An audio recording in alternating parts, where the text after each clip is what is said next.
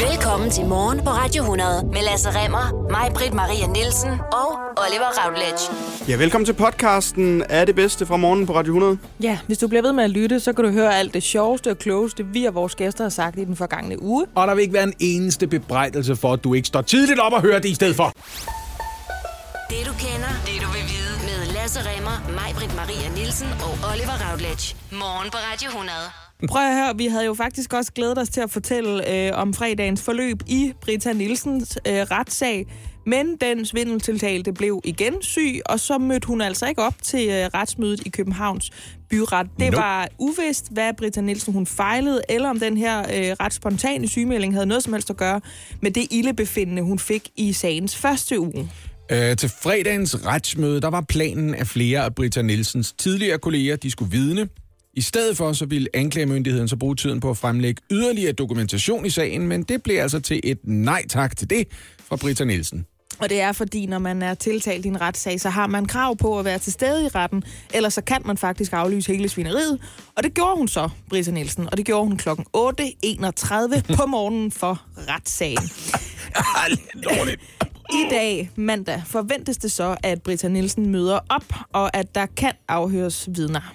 Altså, vi har jo før talt om Britta Nielsens søgehistorik, øh, mens hun befandt sig i Sydafrika. Det var noget, politiet har blotlagt. Ja, det er jo den der ubarmhjertige søgehistorik. Ja. Man er altid så bange for, Ja. at nogen, der går ind og kigger på det der. Det var søgninger, som pegede i retningen af, hvor længe skal man afzone øh, en straf på seks år? Øh, kan man komme tidligere ud, underforstået, ikke? Øh, hvor skal man afzone i udlandet? Udlandet kan man gemme sine juveler et sted i Sydafrika? Det var Ja. den slags, ikke? How to hide plus jewels. Og der, derudover så skulle hun have søgt på forskellige specifikke danske fængsler, for ligesom at blive lidt klogere på afsoningsforholdene. Det er så fængslerne i Horserød og Ringe, øh, samt lukkede fængsler, som Ja, generelt, ikke? Hun var også øh, interesseret i at vide, hvor mange penge man, man, øh, man måtte have med ind i Sydafrika, altså den slags ting der. Lasse, hvis det kommer frem, at hun i torsdags, altså umiddelbart inden den her nummer to sygemelding, mm-hmm. har googlet, hvordan slippe ud af retssag, plus sygdom, plus termometer under skrivebordslampe, plus øh, feber, så bliver jeg ikke så ekstremt overrasket. Men den slags er jo ren konspiration, og det holder vi os alt for gode til. Så det kunne jeg selvfølgelig heller ikke finde på at sige i den her mikrofon. Under ingen omstændigheder. Men hæng på igen i morgen, hvor vi vil prøve at få et overblik over, hvad der så rent faktisk skete i dag. Altså, hvis mm. altså ikke hun bliver syg klokken halv ni. Ja, hey Google, fortæl mig om, om falske symptomer, Ja. ja. hvordan man faker dem. Kan du huske det fra krummefilmen? Holder man lige termometer op under skrivebordslampen? Det er da rigtigt, ja. Hvor fanden mand krumme så lumsk. Og så vil vi i stedet for nu tale om det her røde byttesystem, der er opstået på borgen åbenbart. Og øh, her er altså øh, nærmest en form for how-to, hvis man som lytter gerne vil forstå, hvad er det med de der vendetjenester inde i de forskellige ministerier på Christiansborg. Mm. Fordi siden regeringen skiftede farve, og borgen blev rød, der er der ni ministerier, der har ansat nye presse- og kommunikationschefer, og i syv af tilfældene, der er de nye ansatte i mere eller mindre grad allerede eksisterende og tætte bånd til Socialdemokratiet, eller har forbindelser til en nuværende minister. Må jeg indskyde en ting her? Det er vigtigt at forstå, at presse- og kommunikationscheferne ikke er spindoktorer. Det møder øh, naturligt nok en del kritik, fordi som Lasse lige nævnte, i modsætning til ministernes særlige rådgivere, der netop er politiske råd, rådgivere, og altså derfor gerne må være mm. biased eller farvet, så er ministeriernes pressechefer en del af det neutrale embedsværk, og de skal altså kunne betjene, kan man sige, hvilken som helst minister, uanset hvad farve ministeriet måtte have. Det er nemlig afgørende for at forstå hele den her sag. Senest på et samråd torsdag eftermiddag, der måtte social- og indrigsminister Astrid Krav erkende, at hendes nyansatte kommunikationschef altså i sin tid har været frivillig for hende i valgkampen tilbage i juni, fordi her løste han forskellige kommunikationsopgaver øh, for hende. Og spørgsmålet går jo så på, det er det her, det hele handler om. Mm.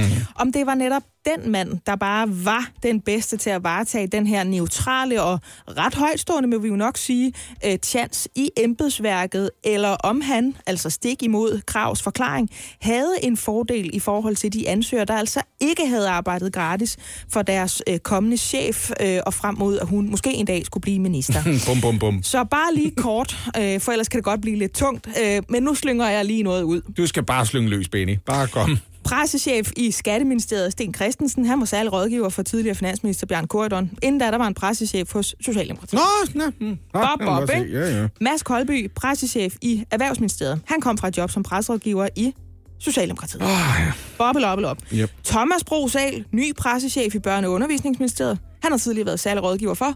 Astrid Krav. Nej, hvor pudsigt. Og så altså Jens Anton Tingstrøm Klinken, kommunikationschef i Social- og Indrigsministeriet nu.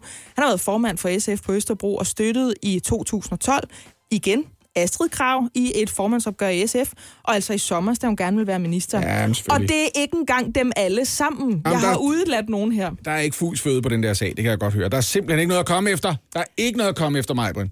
Bob, Bob, Bob, ikke? Mm. Bob, Bob, Bob, Bob. Det, er, det er det drengenavn, der passer til den her sag. Jeg springer ud i det, fordi vi skal snakke om det der med de pigespejder. Jeg skal lige øh, for opklaringens skyld Ja, lige op. det er jo ikke sådan, at øh, de danske pigespejdere har bestemt sig for fuldstændig at afskaffe de her dulighedstegn. Øh, de ses som sådan nogle små stofmarkader, man kan sy på sin uniform, et lille emblem. De skal bare ikke være på deres uniformer længere, fordi det er altså ekskluderende, og det skaber en usund præstationskultur, mener organisationen altså selv. Ja. Det har gjort det her siden 1919. Til foråret, når der kommer nye uniformer, så bliver det altså uden de der emblemer på. Det er bare lige så, vi er enige om. Men de får stadigvæk emblemerne. Ja, de Okay. skal bare De ikke kan gå bare rundt med dem. i skuffen. Præcis. De skal ikke være en opslagstavle for det, de kan mere. Okay. Og det åbner jo op, synes jeg, for en lidt større diskussion, det her med, hvordan belønner man børn? Må børn ligesom vise sig frem? Er det stadigvæk i orden at gerne ville kunne noget, ville opnå noget, altså kunne mestre noget? Og vi kom til at snakke om det der med belønningsdelen i det, som er, at man klapper dem på hovedet og siger, hvor er det flot, så må du få sådan og sådan, om det er usundt eller ej. Ja. Og så kom vi jo tilbage til, til egen barndom, Mm. øh, hvor Anne og jeg i hvert fald øh, havde en forskellig opvækst på lige præcis et punkt. Fordi Anne, hun fik lommepenge. Ja, jeg fik lommepenge. Ja. Ja, hver fredag. 25 kroner. Men for, For, hvad? ikke, for ikke rigtig at udrette noget, faktisk. Ja. Jeg havde nogle pligter i hjemmet. Jeg kan huske, at min pligt det var, at jeg skulle gøre vasken rent om aftenen. Køkkenvasken, ikke? Når vi havde spist, og der var blevet vasket op og så videre. Så skulle jeg ligesom gå ud med den gode frog i skurecreme, og så lige køre rundt. Ja, ja. Det gjorde jeg måske tre gange eller sådan noget. Så jeg, jeg havde, I alt. Ja. Jeg tror, jeg havde ikke nogen, jeg tror ikke, jeg havde nogen faste pligter. Jeg husker det i hvert fald ikke sådan. Men jeg fik de der 25 kroner hver fredag. Hvad brugte du så pengene på? Og puttede dem i min sparebøs. Og så en gang om året, så øh, tog min søster og jeg med min far ud, og så købte vi legetøj på hele lortet. Er det rigtigt? Ja, det var rigtig hyggeligt. En god Det er tradition. jo egentlig en meget voksen måde at disponere på. Jeg tænkte bare sådan ned og købe 50 tyggegummier på tanken lige med det samme. Ja, ah, det, det gjorde jeg ikke. Det røg i, i sparebøssen.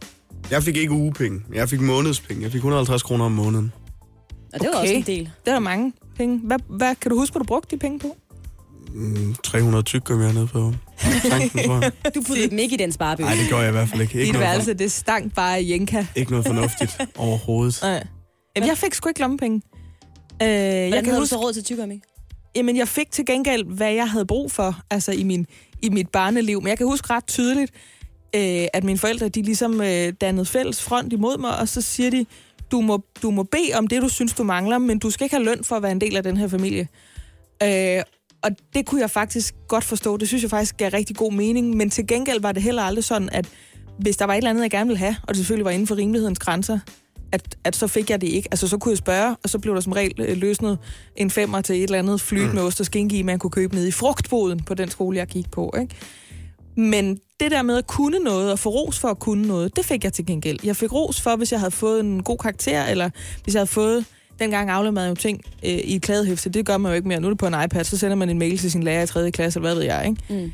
Så fik jeg ros for det, og jeg tilhører også den generation, der fik guldstjerner i vores kladehæfter, fordi vi kunne noget, fordi vi havde præsteret noget. Men nu er det måske bare blevet usundt, eller hvad? Altså, hvad tænker I egentlig om det her? Altså, jeg, jeg var jo en af dem, der... Jeg kan huske, at vi begyndte at få standpunktskarakter i 8. klasse. Der boede jeg øh, sammen med min far, og han gav mig karakterpenge. Altså, hvis jeg havde øh, et, øh, et 11-tal eller et 13-tal i, øh, i karakterbogen, det var dengang, der stadigvæk var 13-taller, Ja. så fik jeg... Jeg kan simpelthen ikke huske, hvor meget jeg fik, men jeg kan huske, at det udløste en eller anden form for, for penge. Ja. Og det er måske lidt op mod det her, som pigespejder nu du gerne vil væk fra. Altså, det med, med at belønne øh, et, en opnået præstation, i stedet for at belønne processen derhen, ikke? Ja. Altså, det skal man væk fra. Men samtidig, så synes jeg egentlig også, hvorfor ikke belønne, at der er noget, der er gået godt? Altså, Ja, ja, det er ja. jo også fair nok. Så jeg, var, jeg er lidt splittet omkring det her. Hvad, Fordi det hvad skaber flere du? 12-talspiger. Hvad, hvad siger du? Men det, men det er jo præcis det, det handler om. Er det så dårligt at være en 12 Altså, er det ikke, hvorfor må man ikke kunne noget mere? Hvorfor må man ikke vise, det her har jeg gjort mig umage for at kunne? Hvorfor Men- skal det absolut være? Men så er det jo et spørgsmål dem, der, der stadigvæk gør sig umage, men måske ikke når helt derhen, fordi de har svært ved det. Det kan jo, de kan jo, det kan jo være, at de gør sig lige så umage som dem, der får øh, 12 eller 13 taller, men de er ikke helt nået op på 12 eller 13 tallet, ja. fordi de måske har svært ved det. Og det, for, det argument kan jeg sagtens forstå, men det, det var jo bare ikke os alle sammen, der kunne blive kirurger, eller kunne blive advokater, eller kunne blive direktører, også selvom vi gjorde os rigtig umage, fordi der bare var forskel på os. Så var der nogen, uanset hvor mange gange de slog op i læsebogen øh, for 30 år siden, så kunne det ikke blive til mere, og så ender man i et job, der er dårligere betalt, eller der er mindre prestige i, og det er jo det, vi prøver ligesom at, at groome ungerne til at forstå også, at der er forskel på os mennesker. Det er ligesom om, det der med, hvornår man ikke må blære sig med ting, man kan mere, det stopper på et tidspunkt. Måske når man skal købe en bil eller et eller andet. Mm. Altså, så må man godt vise, at man har penge nok, men man må ikke vise som barn, jeg kan det her, som du ikke nødvendigvis kan. Men jeg kan stadigvæk meget godt lide det der med, at man måske belønner altså, vejen derhen, altså processen ja, i stedet for, fordi der kan alle ligesom være med. Det er sgu Ja, ikke alle, ja. som du selv siger, der kan blive øh, kirurger og få 12 og, øh, og køre rundt i fede biler, men det er alle, der kan gøre sig umage i livet. Så spørgsmålet ja. om det ikke er det, man skal belønne, frem for slutmålet. Men det, det er jeg enig i. Det kan jeg også bedre lide, fordi alle kan gøre sig umage. Præcis. Det er jeg enig i. Det er ja. selvfølgelig lidt sværere at måle end en eller anden konkret. Men det er også bare, opgave. altså køber I den der, bare lige afslutningsvis, køber I den der præmis om, det er jo det, som en del af kritikken har lyttet på, at så vil ungerne stoppe med at gøre sig umage, hvis de ikke må flashe bagefter, at se mig, jeg kan lave et bål. Nej, overhovedet ikke. Tror du, det stadigvæk er fedt at kunne lave et bål på? Selvfølgelig er det fedt at kunne lave bål. Altså, hvi- hvis du, hvis du er spejder, så er du ikke inde i det, fordi du skal have de her, altså, du skal have de her badges til din, uh, dit outfit. Du er inde i det for at lære noget. Du er inde i det, fordi de, du synes, det er fedt at være der. Du deler et fællesskab, og du kan starte et bål, og du kan Og det kan børn godt selv dolk. resonere sig frem til. Det er jeg sikker på. Det kan man sagtens. Godt. Jamen, øh, så kommer der her en besked fra øh, Morgen på Radio 100 til de danske pigespejdere. Det er så fint. I piller bare dine blemmer af. Det er ikke noget problem. Væk med dem. Retssagen mod svindeltiltalte Brita Nielsen fortsatte øh, i mandags i Københavns Byret, altså i går. Der var det blevet flere af Brita Nielsens tidligere kolleger i Socialstyrelsens tur til at fortælle deres version af, hvordan Brita Nielsen kunne svindle, når de sad lige ved siden af. Og derfor siger vi godmorgen til Louise Dansgaard, journalist og retsreporter fra DR. Godmorgen til dig. Godmorgen. Vil du ikke prøve at forklare mig og lytterne? Jeg er simpelthen så spændt på det her. Hvad, hvad var nogle af forklaringerne for de her tidligere kolleger til, altså Britta Nielsen? Hvordan kunne det her øh, foregå, øh, imens de også var på arbejde? Jeg tror, øh, at det ord, man må bruge, det er tillid. Fordi det var det, de alle sammen forklarede. Altså, der var en meget stor grad af tillid i det her system. Så når man og behandlede sager, som de også gjorde, jamen, så troede man på det, man sad med. Altså, når man havde fået en ansøgningsblanket og en udbetalingsblanket, hvor der stod, at det og det skulle overføres til det og det kontonummer, jamen, så troede man på, at det var selvfølgelig rigtige blanketter, man sad med, underskrevet rigtige tilskudsmodtagere. Og derfor så var, var der ikke den her sådan, øh, mistillid eller mistanke om, at der skulle være noget galt. Og så tror jeg i øvrigt også, at det var ikke noget, kollegerne kom ind på, men, men det er jo ikke fordi, at Britta Nielsen inde på sit arbejde har vist, at hun var meget velhavende. Hun har gået i almindeligt tøj, hun har vist sig frem almindeligt, så på den måde er der heller ikke der lige nogen, der har øh, sådan, er blevet mistænksom over det. Så det her, som vi alle sammen tænker på, som er, hvordan kan man have den her interesse med heste, som jo bekendt er en meget dyr sport, det har simpelthen ikke givet anledning til, øh, til bekymring blandt hendes tidligere kolleger, fordi de har simpelthen ikke vidst, hvordan hun har, har levet, når hun ikke var på arbejde. Det kan godt være, at de har vidst det. Øh, det fik vi ikke svar på i går. De kom ikke ind på noget omkring øh, det her med, om de vidste noget om Britta Nielsens privatliv. De kom heller ikke ind på, øh, om de havde hørt, hvorfor hun kunne købe alle de her heste. Altså, om hun havde forklaret over for dem, hvad hun havde forklaret over for andre, nemlig at der var en arv i familien. Det kom de slet ikke ind på. Det eneste, de forklarede i går, det var, at øh, flere af dem var blevet oplært af Britta Nielsen, da de startede i Socialstyrelsen i 90'erne. Og så forklarer de meget detaljeret om arbejdsopgaverne. Hvordan gjorde man ting i Socialstyrelsens tilskudsadministration, når man skulle udbetale penge til projekter i satspuljen. Så alt sådan om, hvordan Britta Nielsen var som kollega, hvordan hun var i privaten, det fik de slet ikke øh, mulighed for at svare på. Der er også kommet noget frem om en mail, der beskriver et besøg i en bankboks, øh, som skulle være belastende for Britta Nielsen og for hendes døtre. Kan du prøve at gøre os lidt klogere på, hvad, øh, hvad, hvad er det for noget nu med en bankboks og, og den mail der? Ja, altså man kobler lidt mailen, fordi mailen har sådan set ikke noget med bankboksen at gøre, men pointen med den er, at første gang Socialstyrelsen sort på hvidt får øh, fra deres udbydere, dem som laver IT-systemet, en liste over, hvilke forkerte udbetalinger, der har været, og til hvilket kontonummer. Det er den 24. september, og der står der i den liste Britta Nielsens kontonummer. Den mail får Britta Nielsen også selv tilsendt fra en af sine kolleger. Det vil sige, der ved hun godt, at nu ved de, at der har foretaget overførsler til hendes konto. På det tidspunkt sidder hun i Sydafrika. Hun modtager mailen om morgenen, og så om formiddagen kl. 11.31 for at være helt præcis, der går hendes døtre ned i en bankboks i øh, en bank i Hvidovre, og der er det anklagemyndighedens opfattelse, at der bliver taget nogle ting fra den her bankboks. Så det vil sige, at Britta Nielsen modtager en meget belastende e-mail om morgenen fra sit arbejde, og om formiddagen lige før middag, ja, der går døtrene så ned i bankboksen. Hvad de tager, det ved man ikke. Det ved man simpelthen ikke. Britta Nielsen siger, at det kun er nogle smykker, men anklagemyndigheden mener, at der også kan være taget nogle penge.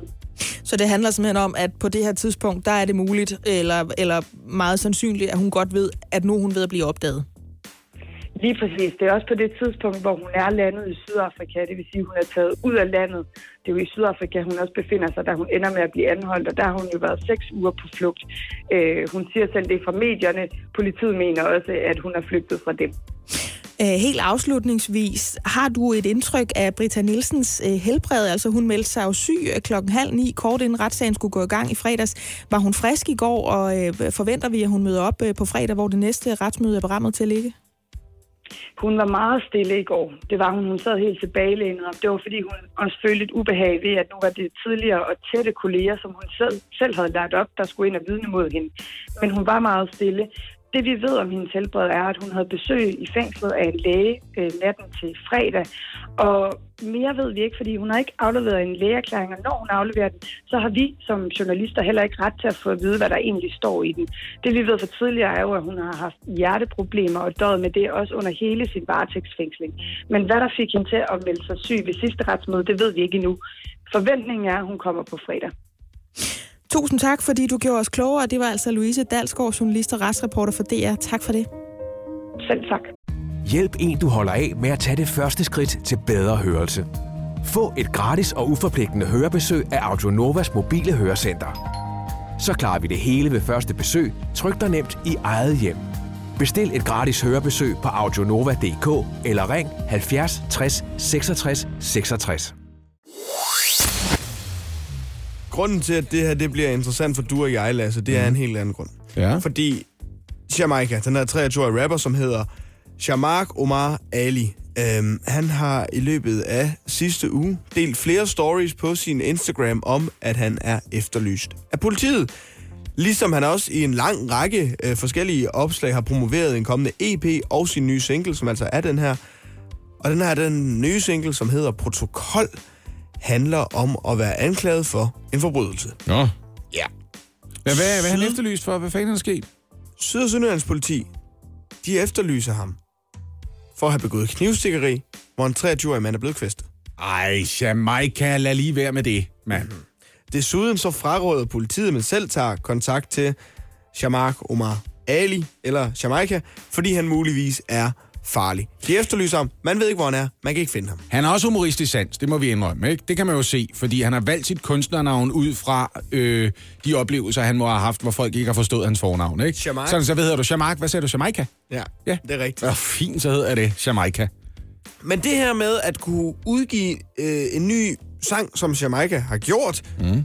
protokol, selvom man, han samtidig er efterlyst af politiet. Ja, men måske mere bekymrende nærmest bruge det som et markedsføringsredskab. Ligesom Ja. ja. sige, åh, panserne er efter mig, mand. Ja. Følg op her, og øvrigt køb min nye EP. Præcis. Jamaica, han udkommer som artist hos uh, Universal Music Danmark. Deres direktør, han hedder Kasper Bengtsson, og vi vil gerne have haft uh, Kasper med på uh, en telefon den her morgen til en mm-hmm. snak om, uh, hvordan de kan måske tillade sig at udgive ny musik fra en kunstner, som er efterløst af myndighederne herhjemme. Ja, det er jo ikke et spørgsmål om, at han er straffet, eller han har været kriminel, eller han har en eller anden verserende sag. Det er det, at han stadig er på fri fod og efterlyst for en ret alvorlig voldsforbrydelse. Det er det, vi snakker om, ikke? Så kan man måske sige, okay, vi har en kunstner her, der er efterlyst. Skal vi lige holde hans single hen, indtil vi finder ud af, hvad der sker med ham? Også så det ikke kommer til at fungere som et usmageligt markedsføringsredskab. Det var den, vi vendte lige, lige før. Ikke? Kasper Bengtsson, direktør for Universal Music Danmark, Warner Music, undskyld. Uh, han ville, uh, havde ikke lyst til uh, at stille op. Uh, nej, Universal, nu. Ja, ja. Han havde ikke lyst til at stille op til, uh, til et interview, uh, men i en mail, der skriver han således. Hos Universal Music agerer vi inden for lovens rammer, Ja, ja. og vi vil til enhver tid samarbejde med myndighederne. Dejligt. Samtidig er det vores forpligtelse som et af Danmarks største musikselskaber at bidrage til en musikalsk og kulturel mangfoldighed i det danske samfund. Nej, nu er vi lidt over i nogle bogus argumenter her. Okay. Derfor er det afgørende for os også at kunne give stemme til kunstnere, som færdes i hårde miljøer, end vi selv ville acceptere at være en del af. Det betyder hverken, at vi bakker op om vold eller mangler samarbejde over for politiet. Nej, nej, nej, nej. Nu, det, og det vil jeg bare lige sige. Nu vil han jo ikke snakke med os, men så snakker vi lige tilbage her. Prøv, prøv at høre, Kasper Bengtsson. Det er jo ikke det, det handler om. Det handler jo ikke om, at selvfølgelig skal I repræsentere et mangfoldigt udsnit af, af Danmarks befolkning, også af de kunstnere, øh, som har talent. Selvfølgelig skal I det. Det, det handler om, det er, at I udgiver den her EP, mens kunstneren er efterlyst for en alvorlig voldsforbrydelse, og det kan virke som om, at det nærmest fungerer som et markedsføringsredskab. At det næsten er sådan en, og hvor hårdkok kan man være, mand? At man dropper bare en ny single på det tidspunkt, hvor man selv er fucking, øh, altså, øh, under jorden, mand. Mens er der efterlyst for knivstikkeri. Du kan da lige vente, eller det mindste lige sige, prøv at høre, indtil han melder sig, så holder vi altså den her EB tilbage. Også fordi, så er der lidt nogle konsekvenser. Det er da også en form for samarbejdsvilje. Det er der at understrege. Prøv at høre, din karriere fortsætter ikke, kammerat. Den er sat på bureau, indtil vi lige har fået styr på. Har du været ude og stikke hele natten på Jamaica?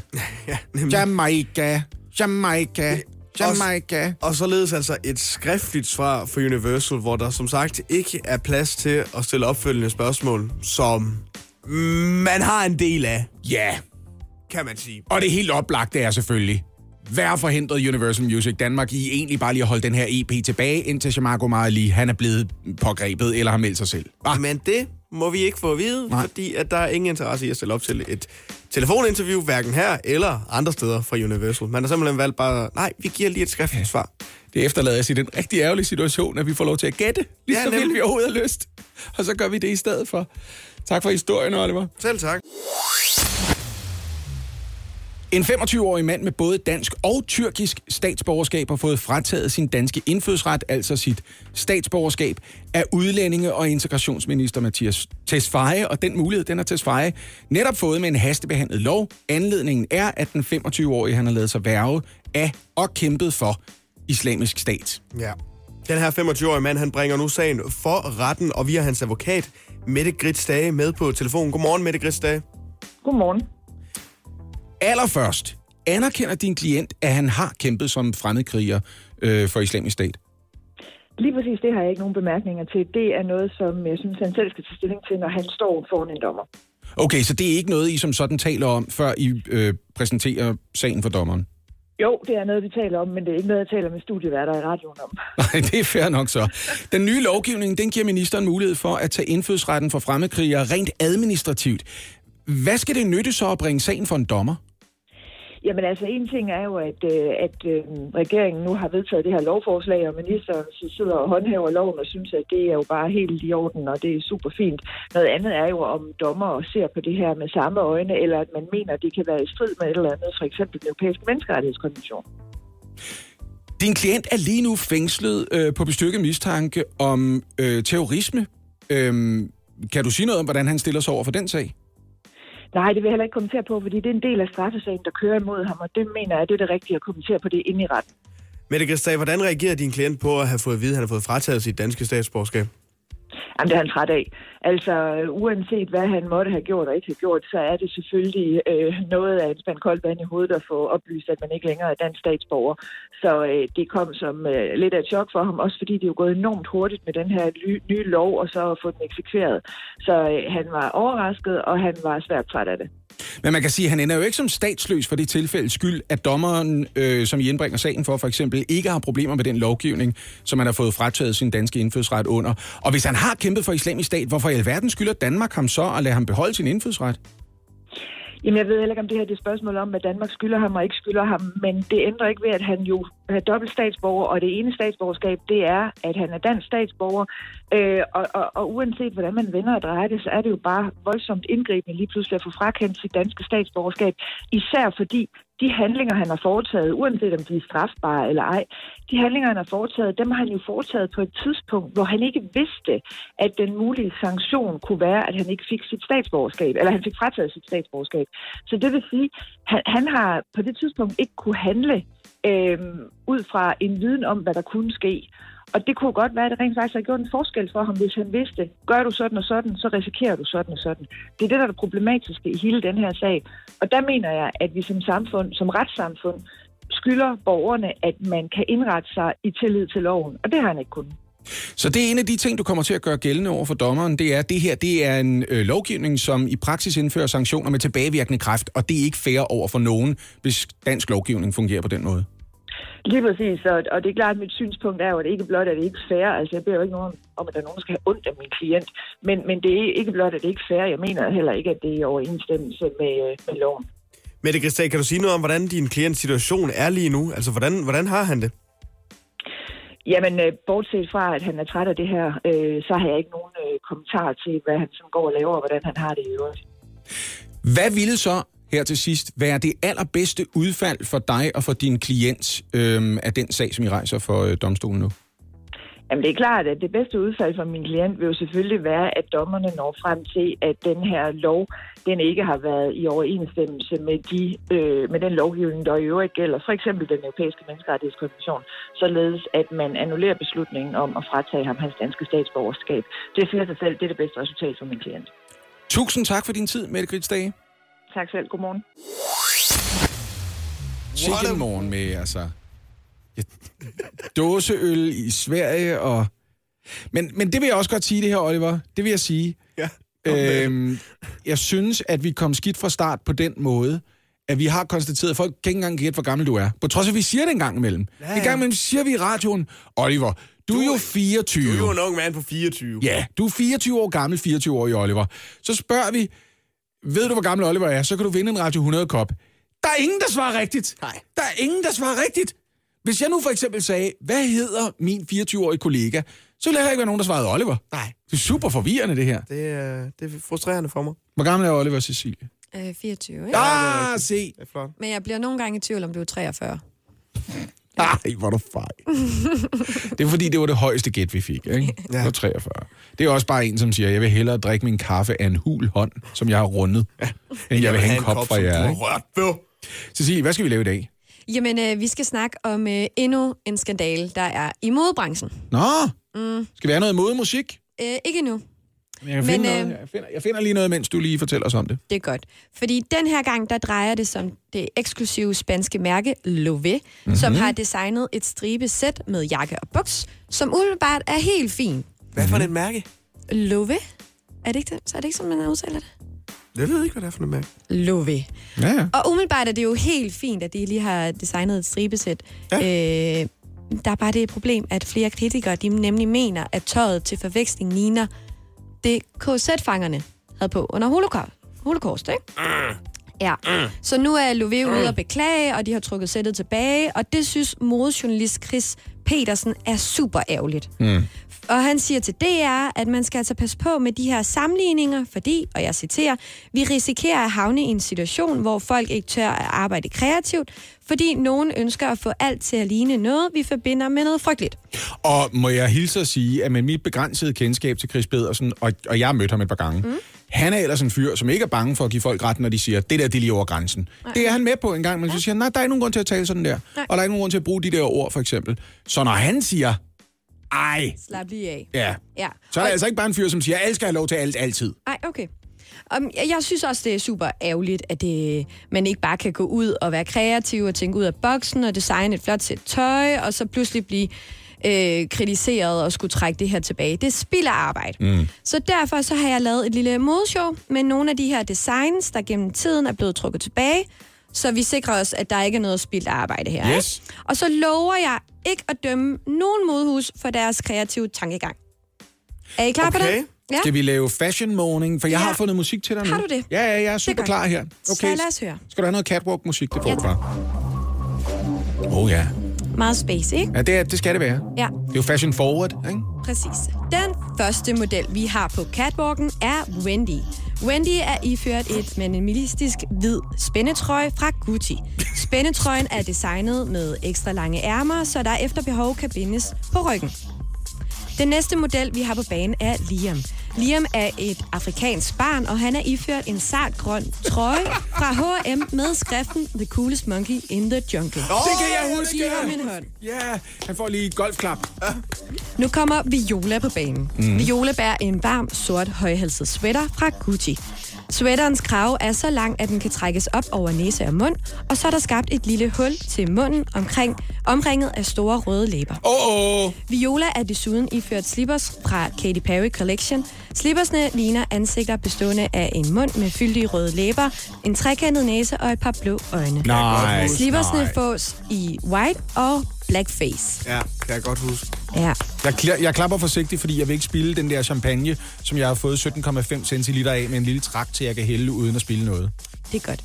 For den næste model, vi har, og den sidste model, vi har på catwalken i dag, er Isaac. Isaac er iklædt en hoodie fra det amerikanske brand Beastroy. Hoodien er Bordeaux og har imiteret skud, skudhuller i sig. Nej! På maven står der Columbine. Hoodien fås desuden i forskellige farver og med teksterne Sandy Hook, Vagina Tech og Stoneman Douglas, afhængig af hvilket skoleskyderi du er mest kan relatere dig til. Nej, nej, det er ikke okay. Ja, men jeg ved altså- ikke, hvorfor jeg klapper. Jeg ved det ikke. Jeg kan ikke lade være. Giv modellerne en stor hånd.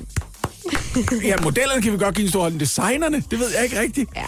Oh, ja, det er lige før, vi skulle have haft Chris Pedersens vurdering af alle de der gamle sager, det er ja, Ja, godt. ja. Men hvor går grænsen så? Hvor går grænsen? Går den med skudhuller og Columbine, altså? Ja, der er en grænse der. Og så kan du simpelthen få det afhængig af, hvilke ja, Hvilke skoleskyderi, du synes, der lige tiltrækker personificerer dig. dig? Ja, præcis. Ej, man, jeg startede med at sige, come on, det er en pyjamas, den ligner måske en KC-dragt lidt. Så gennemgår du alle de der sager, vi har været igennem i de sidste par år, og så tænker jeg, "Ah, ah, ah, ah." Og de er jo ikke engang særlig gamle, de her. Altså sådan, det er fra i år, nogle af dem, ikke? Ja, det er ikke det, det er det. Jo.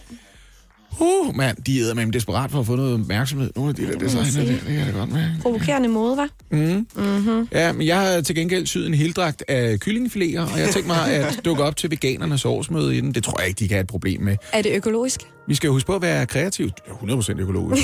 Noget der er det stadigvæk fint. fjer jo, altså. Til noget, noget helt andet, øh, ind på noget, som jeg har gået og pynset, pynset på sådan ret længe faktisk. Mm. Fordi jeg Du kan vil købe et par læderbukser. Ja, Det skal lade være med, Oliver. Det? Nej. Jeg tror, jeg har et par stykker liggende fra da jeg var 23. Nej, hvad er det? Sig det. Jamen, jeg kan mærke på mig selv, og, og måden, hvorpå jeg øh, geværter mig, at jeg er blevet vanvittigt meget mere klimabevidst til en sådan grad, at jeg samtidig går og siger, ah, ah, slap lige af, Oliver. Til dig selv. Styr dig selv. Ja. Ja, okay. Eksempel. De, de her to løg, de behøver ikke ligge i den pose, der var for enden af kassebåndet. Ja, præcis. uh, lidt mere end det. Jeg var i Tivoli i, i tirsdags, og der er i den grad uh, pyntet op til jul. Mm. Og så går mine tanker med det samme på, kan uh, er der meget lys herinde, var? Er det LED-pærer, mon? Kan vi, kan vi slukke lidt for det? Hva? Kan vi vide, om det er LED-pærer, de bruger herinde? Eller, Ja. ja. Altså, det, der, der, det er meget, meget lys, de skal have gang i. Kunne det ikke også være en spændende oplevelse for sanserne at gå i Tivoli i mørke? Ja, nemlig. Ja. Så er der sådan et meget smukt vandshow, de har sat op ind i søen, øh, derinde med noget Ja. tilhørende musik fra nødeknækkerne og sådan noget. Ja, det er så yndigt. Og så går jeg og tænker på, det, det går ikke spild af vand, hva'? Det, Nå jo, men altså vandet cirkulerer jo, Ja. Oliver. Ej, der er godt nok, det kunne man godt nok bruge på noget bedre, det der. Så går jeg så og tænker. Jeg handler i en nærliggende Føtex, som er ikke så langt væk fra, fra, fra hvor jeg bor. Et sted med nogle skanselkasser. Ja. Den bruger jeg hyppigt, så slipper jeg for at se nogen i øjnene, øh, der skal Ja. se, hvad jeg handler. Ja. Øhm, for at komme ud af de her skanselkasser, så skal man ligesom igennem øh, sådan nogle låger, ligesom man går ind i Føtex. Mm. Men der skal man scanne sin bong for at få lov til at komme ud, ligesom som et Nå, så kan du ikke sige har- nej tak til du den kan ikke sige nej tak til, for Nej. det vil sige, du er tvunget til at få den lap papir. Og det er du begyndt siden af, at tænke over. Lige ved siden af har de stillet en skraldespand, som er fyldt op Med de her samme bongruller, fordi bonger. Der er ingen, der gider at have de her bongruller, men man Det skal rigtigt. bruge dem Ja. for at komme ud af butikken. Ja, ja, ja, ja. Det er spild af papir. Ja. Jeg er gået hjem fra Føtex to gange, fordi jeg har glemt min mulepose, og jeg ikke har lyst til at købe en bærepose. jeg ved ikke, hvad der sker. I det mindste satte du dig ikke ud i en bil og kørte hjem efter Nej, muleposen, men der sker jo det, Olli, at du er et ungt menneske. Du, du er påvirkelig mm. endnu. Altså, Ja. og, og det siver jo ind på et tidspunkt, altså øh, Thunberg-effekten. Fordi du skal, jo, du skal jo skamme dig. Vi skal jo alle sammen skamme os. Der er jo ikke nogen i det her land, i det her i-land, der lever på en måde, som er forsvarligt. Altså, man skal jo leve på en måde, så hvis alle mennesker i verden levede på den måde, så ville planeten have det super duper. Det gør vi ikke, for alle kan ikke have en kumfryser og spise øh, lørdagskylling, Nej. uden at planeten brænder. Og det er det, du kan mærke. Du kan mærke, at du tilhører den gruppe af mennesker, der får lov at fuck den her planet op dagligt. Så på en måde er det på sin plads, men det er fandme også irriterende af dig. Det er, jeg er blevet røv. Altså, jeg har begyndt at, at, at sige til min roomies sådan, Ja. øh, I skal lige øh, huske, når, I- når I lader vandet løbe, for de skræller kartofler, det behøver I ikke gøre.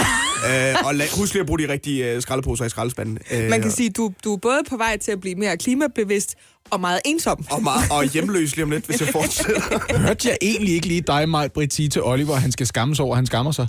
Det er dobbelt skam jo. Jo, men, men, og det er det jo også. Det hele er jo skambeffekt. Altså, jeg sidder, sidder sådan og, og var lige ved at sige, jeg har simpelthen gjort det, at øhm, jeg har øh, muleposer, som jeg bruger, når jeg handler, og de ligger bag i min dieselbil. Ja.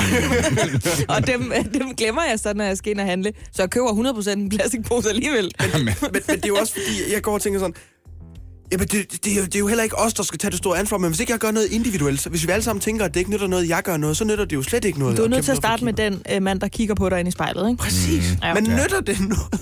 Nej, det, gør, det nytter ikke noget. Altså, det gør helt det. Prøv at høre. Jeg tilhører den brigade, som regner med, at vi på et tidspunkt går helt i panik, og så ender vi med at symptombehandle, fordi det er der, vi er. Vi kommer ikke til at løse det med årsagsbehandling. Så jeg har bare lænet mig tilbage og ligesom sagt, der kommer nogen, der symptombehandler på et tidspunkt. Jeg skal fortælle hvorfor. Jeg læste en øh, udregning, som sagde, at Danmarks målsætning om at reducere CO2-udslippet med 70 procent, det kommer til at koste cirka 30 milliarder om året. Og effekten kommer til at være en tusindedel af en grad på verdensplan. Seneste beregninger siger, at vi er på vej mod en global temperaturstigning på 3-4 grader. Mm. Det er 3-4.000 gange så meget, som vi kommer til at bruge 28 milliarder om året på, på at spare. Så kan du gange det op. Det er 112 billioner kroner for at løse det hele på et årsagsplan. Det, Er det, jeg ved godt, at det kan du ikke gøre lige frem, fordi det, du ved, bruttonationalproduktet er men det er det der med, så længe de øh, smider brændende plastikflasker ud i Ganges, så kan det være lige meget, om Oliver køber en plastikpose herhjemme. Det er lidt det, jeg tænker. Ja. Ja. Så, så længe en tredjedel af Danmarks CO2-udslip alene skyldes Mærsks containerskibe, Ja, ja. og de er i gang med at prøve at gøre dem mere brændstoffornuftige, og vi kan ikke lade være med at sende ting hen over verdenshavene, fordi sådan vi gør de fattige lande Ja. rigere, og alt det der. Der er alt for mange sideeffekter til, at jeg kan overskue det. Jeg tror, det ender med, at vi bygger nogle diger. Er der stemning for en dæmning? Men det er ikke helt løgn, jo. Prøv at høre. Hvad var det, der skete i New Orleans i sin tid? Bagefter sagde de, vi skulle have bygget nogle dæmninger. Det kan Ja. godt være, at vi vrænger sammen med Niels Havsgaard, men nogle steder er en dæmning ikke Ja. nogen dårlig idé. Men. Oliver, jeg vil så sige til dig, selvom at, at Lasse har... Og selvfølgelig er det Han har fucking faxene. Lasse, der har de ja, der de er tal. Jeg er gammel jo, så jeg er jo ligeglad, mand. og- Jeg er dør også jo midt i det Lasse, her han gør det inferno. der skide irriterende, hvor han lige sætter sig ind i tingene. Ja, det er røvirriterende. Men det, du kan gøre, Oliver, det er... Altså, du kan jo godt... Man vil jo godt sådan have det sådan helt lunt i maven med sådan, Ja. mm, jeg redder den her planet, ikke? Mm, Jeg gør noget... Du jeg kan gør jo godt blive ved med at bruge de der madspils-apps inde på Vesterbro, hvor du bor, Ah, og du ja. kan jo godt blive ved med at købe øh, altså sådan noget, der er nogle steder, der er de begyndt at servere øh, to-go-retter i, i øh, foliebakker, som man skal aflevere tilbage igen og sådan noget. Altså, du kan jo godt blive en del af den der tendens med, sker der ikke noget ved. at du gerne vil ikke være et, et udnytte planetens svin, og så samtidig vide, at det nytter ikke rigtigt noget, men det føles godt i maven. Også for at dulme din angst og din skam. Ja. Det kunne også godt hjælpe, ikke? Og, og du kan tage imod genbrugstøj. Jeg har lige tilbudt dig et par 24 år gamle læderbukser. Ja, øh, tak for det også. Det var så let. Og så må Men du nej, til enhver tid komme hen øh, til, til mor og far, til, til Lasse og jeg, og så skal vi nok fortælle dig, at det ikke giver nogen mening, Ja, ja, men trøste dig. Og så er der også det ved det, der kan gå 40 år, så dør jeg i en brændende sø af lava, mens jeg råber, jeg tog fejl, kan I tilgive mig? Selvfølgelig kommer det til at ske. Ja, men det, ved er jo lidt sådan, godt. vi alle sammen behandler det her for helvede. Lige om lidt er vi jo døde, så er det de andres problem. Ja, Tak for hjælpen i hvert fald. Det er bare så uendeligt Ja. lidt. Det føles ikke så meget som en hjælp, når vi kigger tilbage på det. Vi forstår din tankegang, men det nytter ikke en skid, Oliver. Ved du hvad? Vi danser os ud af det. Kan du mærke det? Får lidt god musik her. ja, klap dig ud og find noget glæde. Vi har jo lige talt om det her med, hvad koster en god bil? Hvad koster årets bil? Øh, og hvem har råd til den? Og derfor synes jeg, det er så naturligt at glide direkte over i emnet skat. For det er det, vi skal tale om nu. Mm. Øh, vi bor i Danmark. Vi betaler en af de højeste skatter i verden til vores egen armod. Vi burde tale om det konstant. Men denne gang skal vi faktisk tale om den slags skat, der altså ikke bliver betalt. Ja, den er der meget af efterhånden, ikke? Fordi Rockwool-fonden har bedt et repræsentativt udsnit af danskerne svare på spørgsmål om skattesnyd. De har simpelthen angivet deres holdninger øh, på en skala fra 1 til 10 i et spørgeskema, og her der slår 3 ud af 4 danskere helt ud på skalaen med et klokkeklart svar, øh, når det gælder snyd i skat. Mm. Må man snyde i skat? 3 ud af 4 siger nej, det er fuldstændig uacceptabelt. Der er ingen gråzoner. Så den er lige der. Stærk stat.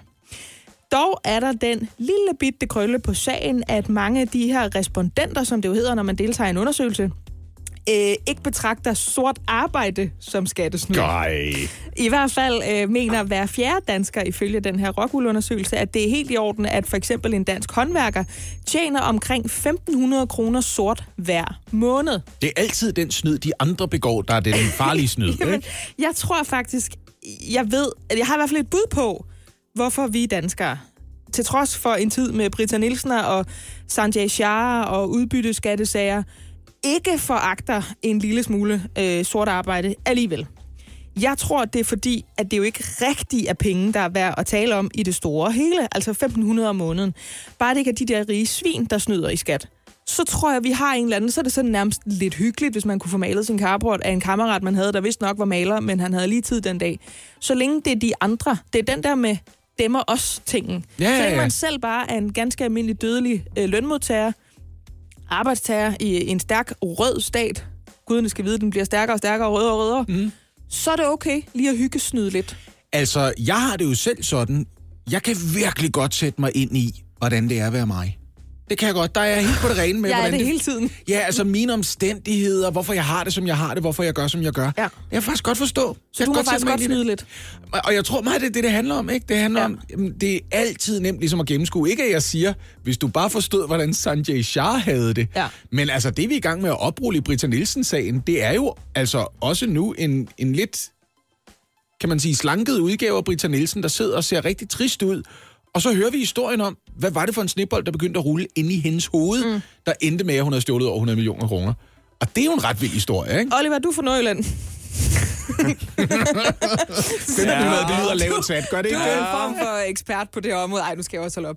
Jeg har faktisk engang haft en skatteminister fra Nordjylland, ikke? Det var svært for ham, sagde han. Øhm, Altså, I kører, I kører på cykler med hængertræk deroppe, ikke? Oh, det, Er rigtigt? hvordan, altså, hvordan tænker du om det her? Altså, jeg går ud fra, at du tænker, ligesom de fleste af os, at man skal ikke snyde skat, men man må godt få lavet lidt sort arbejde på huset, jeg, eller? tror, altså, jeg tror, du har... Øhm, sat, Må man sælge af, uden at betale skat af? Ja, det må man gerne. Ja. Altså, jeg, jeg, har, jeg har det på samme måde, som du beskrev før. Altså, det der med, at... Ja, så længe det ikke er de rige, der snyder i skat, så er det jo fint nok, at jeg, Ja. hvis jeg lige kan... Ja, der er sådan, det er som om, det bliver lidt sjovt på en eller anden måde, at... øh, oh, så fik vi lige malet hele huset af Paul, og så fik han Ja. skulle lige... Øh, fik Der han, kom sgu han, ikke en regning. Han skulle lige have 5.000. Det er, Ja. det, det er det, I kalder jysk lune. Er det ikke rigtigt, Jo, når man siger... Oh, oh, Kartofler skal der jo til, jo. Hvor det mange siger- vil du have? Skal, der skal jo smag på brødet, som man siger, ikke? Og så må man gøre på den måde, man Det gør. bliver, lige, øh, det bliver lige 200. Oliver har jo afsløret, at han kender adressen på den carport i Jørgen, hvor man slipper for at køre til Flensborg for at handle grænsehandel. Er det ikke det er rigtigt, rigtigt. Oliver? Oh, og der bliver ikke betalt. Men det er jo også snyd, ikke? Altså, det er jo også skattesnyd. Men det er der altså åbenbart en ud af fire danskere, der slet ikke ser som skattesnyd, altså sort arbejde. Så øh, puha. Hjælp en, du holder af med at tage det første skridt til bedre hørelse. Få et gratis og uforpligtende hørebesøg af Audionovas mobile hørecenter. Så klarer vi det hele ved første besøg, tryk dig nemt i eget hjem. Bestil et gratis hørebesøg på audionova.dk eller ring 70 60 66 66. Og jeg annoncerede jo for, hvad, 20-25 minutters penge siden, at vi lige ville vende tilbage til det her med Black Friday, fordi det er jo i dag. Det er en amerikansk skik, det ved vi godt. Der er ikke nogen grund til at sidde derude og hisse sig op, fordi det er jo bare sådan noget amerikansk pis, ligesom Valentine's Day. Ja, det er det. Men vi er lige nødt til at tage fat i, at der måske er nogen, der faktisk synes, at Black Friday, uanset hvor vi har approprieret det fra, kan være godt nok. Mm. Fordi noget af det, jeg har slået mig en lille smule på, hvis man deltager i den her debat omkring forbrugsfesten og øh, klimabetænkninger osv., det er nogle mennesker, der siger meget, meget selvretfærdigt, ja, vi deltager jo ikke i den absurde, opskruede forbrugsfest. Og så sidder jeg bare og tænker, nej, og det er også flot med det, fordi det har I råd til at lade være med. Der er faktisk nogle mennesker, måske endda de fleste, som gemmer deres penge, fordi de er nødt til at købe den tørretumbler på bud. Det giver mening for nogen at sidde fra midnat og vente inde på en eller anden hjemmeside, så man kan få lov til at få et, et nummer i køen. Fordi ellers så får man bare ikke et nyt fjernsyn eller en ny mobiltelefon. Så når folk de siger, jeg synes bare, man burde lade være med at deltage i Black Friday, så er man lige nødt til at huske, at det er meget privilegeret at have muligheden for ikke at gøre det, hvis man helt reelt står og mangler noget til sit hjem. Det der, det er jo en svær balancegang, ikke? Fordi jeg er, jeg er nemlig 100% med på den der ting. Det, det lyder som et årligt juleeko af dengang Uffe Elbæk sagde, måske behøver man ikke at tage på to ferier om året. Og Nej. jeg tænker, du er godt nok et privilegieblind ja, menneske, hvis du ikke er klar over, at 40% af danskerne rejser på nul ferier hvert år. Præcis. Nul Og den flyrejser. ferie, de tager, det, det er til et badeland. Ja, så. Ja. de mennesker, du taler til, det er dit eget dig lag. selv. Det er de andre velhaver, så at sige. Ikke? Ja, ja. For eksempel er det cirka et halvt døgn siden, øh, den tidligere tv-vært Peter, øh, undskyld, radio- og tv-vært Peter Falktoft, øh, han smed et opslag op på Twitter, hvor han skriver, du skal lige huske på, at Black Friday det er et koncept, der til gode ser den slags foretagender, du ikke bryder dig om, men alligevel går til, fordi de er, og det her, de er citationstegn, billigst. Men de er ikke citationstegn billigst, de er billigst. De er billigst. Og nogle gange, så har man ikke råd til at betale fuld pris. Mm. På den anden side kan jeg godt forstå, når han siger, du skal støtte lokale foretagender, for jeg kan også godt se, du kan ikke rende rundt i bymidten i din mellemstore provinsby og ærger dig over, at alt er blevet til e-cigaretbutikker blandt selv slik og, og, Frojos. og frojos for resten af pengene, vel?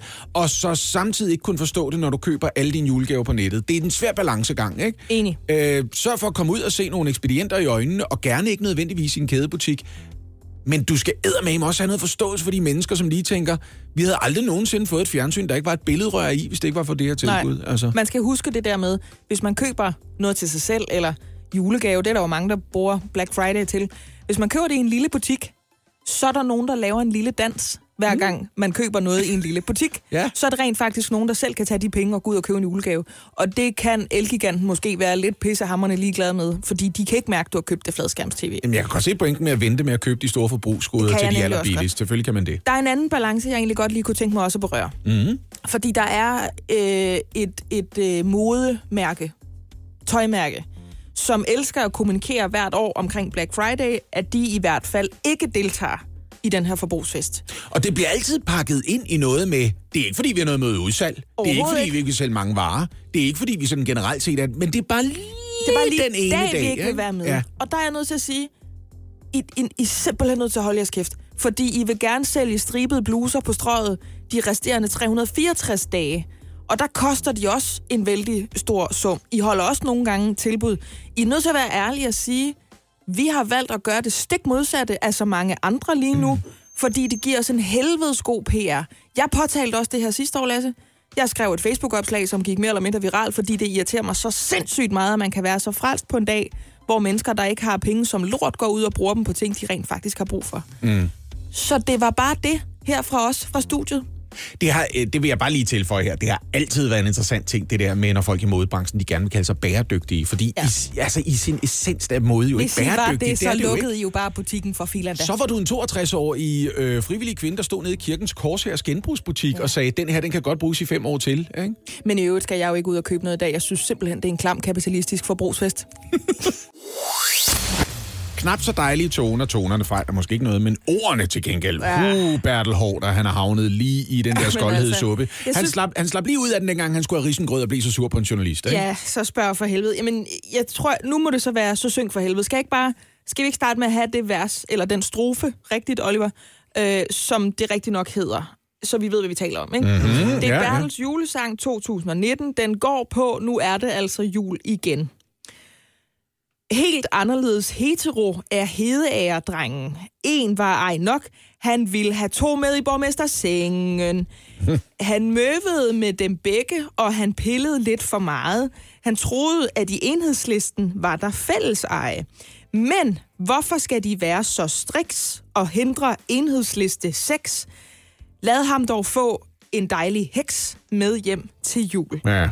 Og det er øh, den sidste strofe i et øh, hjemmelavet stykke papir med en sang på af Bertel Hårder, øh, hvor der er otte strofer, eller øh, vers øh, i alt.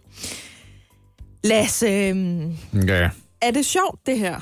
Er det, fordi jeg, jeg må indrømme, jeg tror måske, jeg oplever for første gang rigtigt nogensinde i mit liv at være krænket af noget, som sådan bliver offentligt påtalt. Er det jeg, rigtigt? Ja, jeg, jeg er ellers ikke særlig nem til at blive krænket. Jeg ved ikke, om det er, fordi jeg er for landet.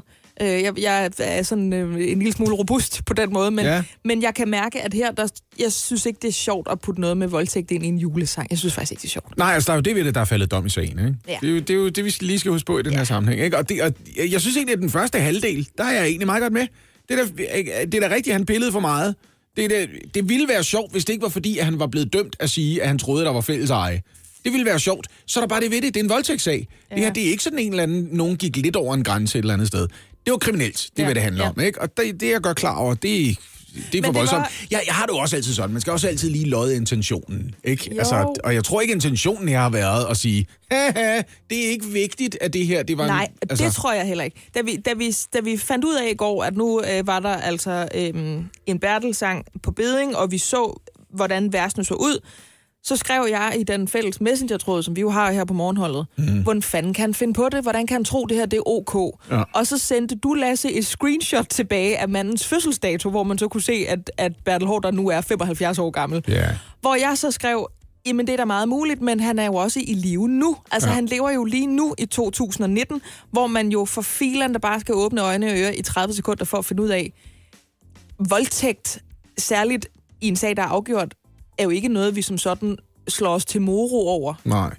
Eller Altså, hvad? øh, reaktionen på det umiddelbart har jo også været, at han lynhurtigt lægger sig fladt ned og siger, nej, det, det kan jeg godt se. Det må jeg undskylde. Det skulle jeg ikke have gjort. Men det altså det der med, at der bare er nogle mennesker, ligesom hvis man har en farmor, som er den sødeste farmor ja. i hele verden, men hun vil simpelthen ikke stoppe med at sige øh, lille søde nærdreng, for eksempel. Eller krakkemut. krakkemut eller sådan noget, og hun, og hun ved ikke, hvad det er for en, et bistad, hun stikker sin gamle røv ind i, når hun siger det, men vi kan ikke gøre noget ved det, vi må bare vente på, at hun dør.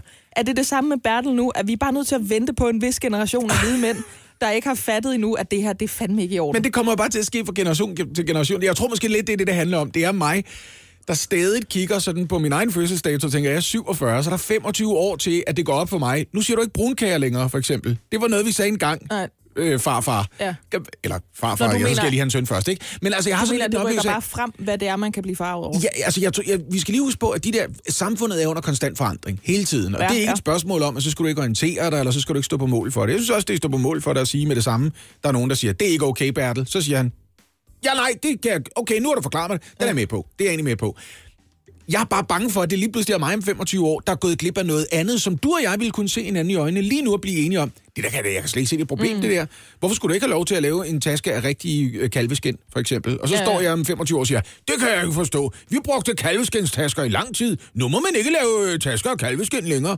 Og, og, Jeg, vil gå jeg med tror, så... det, er- det er det, det handler ja, om. Ikke? og jeg vil gå med så langt, at jeg kan godt se, at grænserne for det rykkes. Vi er jo også sådan nogen, der sidder herude og bræger ud i æderen, Ja. at vi ikke gider det der krænkelsespis. Ja. Ja. Altså, jeg selv har i dag skrevet endnu en rokokopost, hvor jeg øh, sviner Københavns Universitet til, fordi jeg er så pissetræt af det der identitetspolitik, de har gang i derude. Ikke? Men jeg tror bare, at det her det er så klokkeklart for mig, at det gør man ikke grin med. Der er nogle mennesker, der Nej. er kommet voldsomt til skade her. De er ejet for livet højst sandsynligt. Jeg, jeg tænker bare, tænk, hvis du sidder til den der julefest der, ja. og har sunget hele sangen, og ikke har læst den på forhånd, og du er midt i verset, før det går for dig. Ber- Ber- Ber- Bertel, der er syv vers, ikke Ja. otte vers her. Ja, ja, ja. For det er sidste vers, det her. Jeg, jeg tror, at hvis jeg sad i situationen og havde læst den igennem, så ville jeg nok lige have stoppet op og sagt, kan vi, kan vi syv, de første syv er med på, Ja. det er ottende. Den er Ah, god, ikke? I don't know, ikke? Men han har jo også sagt undskyld, ja. så øh, jeg tror, at det, så har han ligesom fået den der folkeopdragelse, som er, ej, Bertel på 75, det skriver vi ikke sange om. Mm. Er det det? Ja, Godt. Jamen, så er det beskeden herfra. så den lukket der, og så bliver Ja, den aldrig sunget så igen. den der. den kommer i hvert fald ikke med i højskolesangbogen, så meget har jeg sagt. Nej. Vi skal tale om noget frægt. Mm. Så øh, Lasse. Ja, Er du tilfreds? det skal være lidt højere. Kan det ikke det? Sådan der, ikke? Sådan der, ja. Ja. Det er bare så lytterne kan høre. Nu bliver det frægt. Vi skal, vi skal hjem på gæsteværelset. ja. Og det er jul. Øh, der ligger de der sådan lidt multifarvede håndklæder, som mor og far ikke rigtig bruger mere, men de er gode til gæster. Mm. Der ligger det der lidt uhurante, lidt, det bliver alt sammen syrenfarvet på et tidspunkt, sengetøj på sengen. Og så er der nogle aflagte bamser, der er blevet stillet op i sådan en pæn formation, fordi nu er gæsteværelserne i brug, nu kommer børnene hjem og skal overnatte i forbindelse med jul. Vi er derinde, hvor alle tekstiler de er lufttørret, og man har ikke brugt skyllemiddel. Ikke? Ja. Der, hvor man eksfolierer, uanset Med hvad man rører ved. Ikke? Ja. det er rigtigt. Ja. Man kan stille håndva- øh, hvad hedder det, håndklædet ud på badeværelset igen ja. bagefter. Øh, og vi er derinde øh, sammen med vores kærester, mm. Som er med hjemme til jul. Vi er et øh, fast parforhold. Nå, ja. vi holder jul med kæresten der. Det gør vi nemlig, ja. Okay. Og vi skal til at bolle, og så pludselig så bliver vi ramt af den der følelse, gud nej, hvor er det ulæksi, at vi skal bolle. Et, fordi det er jul. Og det, og det, jo, men øh, følg nu med. To, fordi det er på gæsteværelset. ja. Er jeg den, og jeg, jeg, det er jo næsten et retorisk spørgsmål nu, er jeg den eneste, der får det sådan lidt, ej, det er sådan på en måde lidt, det er ikke det, julen handler om. Den handler ikke om at bare pule hinanden. Den handler om noget, noget næstekærlighed og noget med nogle, åh, at holde jul for børnene. Og, Næste kaldet, du ville ønske, du ville bolle flere? Eller hvad? Nej, Det men det er bare ikke, som om, jeg synes, det er sådan ligesom om, altså man, man onanerer jo heller ikke juleaften, vel? Nej, men hvordan tror du, Jesus kom til verden? Men der kan du se, du siger nej.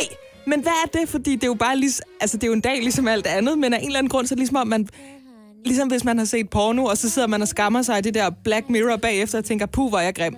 Sådan har jeg det hele tiden, hvis jeg skulle blive kået juleaften. Hvordan hænger det her så sammen med, at du kan få frække nissekostymer? Det ja. forstår jeg ikke. Det er jo en fræk nisse. Det må du spørge nogen fra Aalborg. Fræk lille nissepige? Det, nej, det bruger jeg ikke til noget.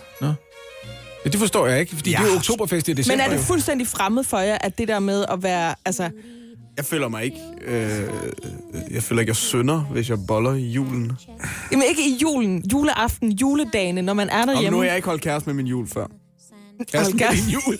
Du er helt kullet nu. Oh, ja, jeg har i hvert fald bragt dig lidt ud af fatning. Okay. Men så, så må jeg tage den selv. Den der skamfulde ting med at Nej, være... nej, men altså, jeg er med på den der ting, men jeg har ikke lyst til at efterlade en eller anden form for Rorschach-maleri i, i arvemateriale på et lag, jeg ikke selv vasker. Men det er jo det- noget med gæsteværelset. Ja, det er det, jeg mener. Ja. Nå, jul, jul er ikke nogen problemer med. Jeg, jeg knaller hele året. Jeg forstår slet ikke, det skulle være et problem, det der overhovedet. Det er, det er ikke det, julen handler om. Det er da sådan, du skulle det til påske, hvor Jesus døde for fanden. Ja. Du kan da ikke bolle på langfredag. Det er da umuligt, mand. Han hang der op på korset stadigvæk på det tidspunkt, han havde pisse ondt i hænderne. Der var det ham, der var søstjernen. Ja, lige præcis. Men det er ikke så meget det der med at lave en... Okay, jeg kan også finde på en. Lave en Jackson Pollock af DNA. på, på mors det gode tæp inde i gæsteværelset. Action painting. Jeg, jeg har det bare som om, at det er sådan... Ej, lige til jul, der er det altså, og det skal være det pæne sengetøj, hvis man var derhjemme og sådan noget, men... Jeg ved ikke, om det er mig, der har en eller anden misforstået opfattelse af, at det gør man ikke. Man, man er ikke fræk til jul. Der er man mere sådan, skulle det være noget mere portvin og et spil kort, mormor? Det er ikke, man går ikke ind og puler hinanden bagefter. Jo. Det synes jeg også, man gør. Det synes jeg 100% man gør. Men gør I det så? Altså, boller I på gæsteværelser, eller har I den respekt, at Ved der hvad, jeg, har det, jeg har det lidt mere sådan her. Jeg har det faktisk meget, meget nemmere, øh, hvis, hvis gæsteværelset tilhører mine forældre, end hvis det tilhører mine svigerforældre. Svigerforældre, det kan jeg være ja. Super presset over. Ja. sådan, det, det kan vi da ikke. Og der kan man jo godt have en kæreste, der ligesom siger, slap nu af, slap nu af. Det er jo bare... Mm. Og sådan er det jo gensidigt. Det er jo sådan et, nej, nej, jeg er på hjemmebane her. Det kan man jo- Men kan I så det? Altså, jeg ved jo om Oliver, han kan knalde, hvis han hører musik, fordi så begynder han at ligge og synge med. Det er blevet bedre. Det er blevet bedre, vil jeg sige. Det er blevet meget bedre, Oliver. Ja, men det er blevet bedre. Jeg synes bare, det er, altså, jeg synes bare, det er special. Det må jeg sgu indrømme. Jeg synes, det er special at skulle knalde der juleaften, og særligt hvis man er på nogens Jeg gæsteværelse. kan, jeg kan følge øh, gæstereglen, øh, gæsteværelsereglen, men julereglen, nej. Men altså, i, i, i år til termin, ikke? Altså, der, er der, der er, undskyld, i år til jul, der er der fem uger til termin for dig, ikke? Det bliver ikke, altså, du kan tage den op næste år, ikke? ja. Det om. Men jeg vil så faktisk sige, når du selv bringer min babyspil her, hun er faktisk lavet på et gæsteværelse. Nå, Ja, fordi der, det er jo det der, når man prøver, det ved dig derude også godt, hvis du har børn, det er ikke fordi man sådan, vupti, bliver gravid, for de fleste i hvert fald. Man skal lige øve sig lidt på det, man skal lige holde øje med en ægløsning og sådan noget, ikke? altså, hvis Så kan det havde godt været... risikere at skulle være på et gæsteværelse, fordi det var nu engang bare der, man var. Ja. Ja. Altså, hvis du nu havde været Victoria og David Beckham, så kunne det jo være, at I skulle have en lille datter, der skulle hedde Futon. Futon. Ja. Jamen, Ja. de opkalder jo alle deres børn efter det, hvad de lavede. Det Ja. ved jeg ikke, om du er klar over. Bare in-laws, for eksempel, kunne det være. Det. Seriøst? Ja. Vidste du ikke det? Okay, så hun Der skal er ikke hedde... et barn, der hedder Harper 7. Jo. Seriøst. Er der Tænk at hedde det sted, hvor ens forældre havde knaldet en Ja, lige nu ser jeg dig bare i øjnene og lader som om, at det her det er helt konsekvent, mens jeg ikke har lyst til at indrømme, at det ved jeg ikke med sikkerhed. Men jeg tænker mig at google det her om 30 sekunder, kan jeg fortælle dig, og, og så kommer jeg med et rigtig godt svar. Okay, Men så de- min datter, uanset hvad hun får af navn til fornavn, det har vi jo også talt om tidligere på morgenen, så skal mm. hun hedde morfars gæsteværelse til mellemnavn. Undskyld, far. Ja, den tager du bare med Nå, kirkeministeriet. jamen prøv, jeg tager den åbenbart også selv, den her med at skamme sig over at knalde til jul. Jeg tager den. Jeg Ja. tager den selv. Sorry. Morgen på Radio 100 med mig, Britt Maria Nielsen, Lasse Remmer og Oliver Routledge.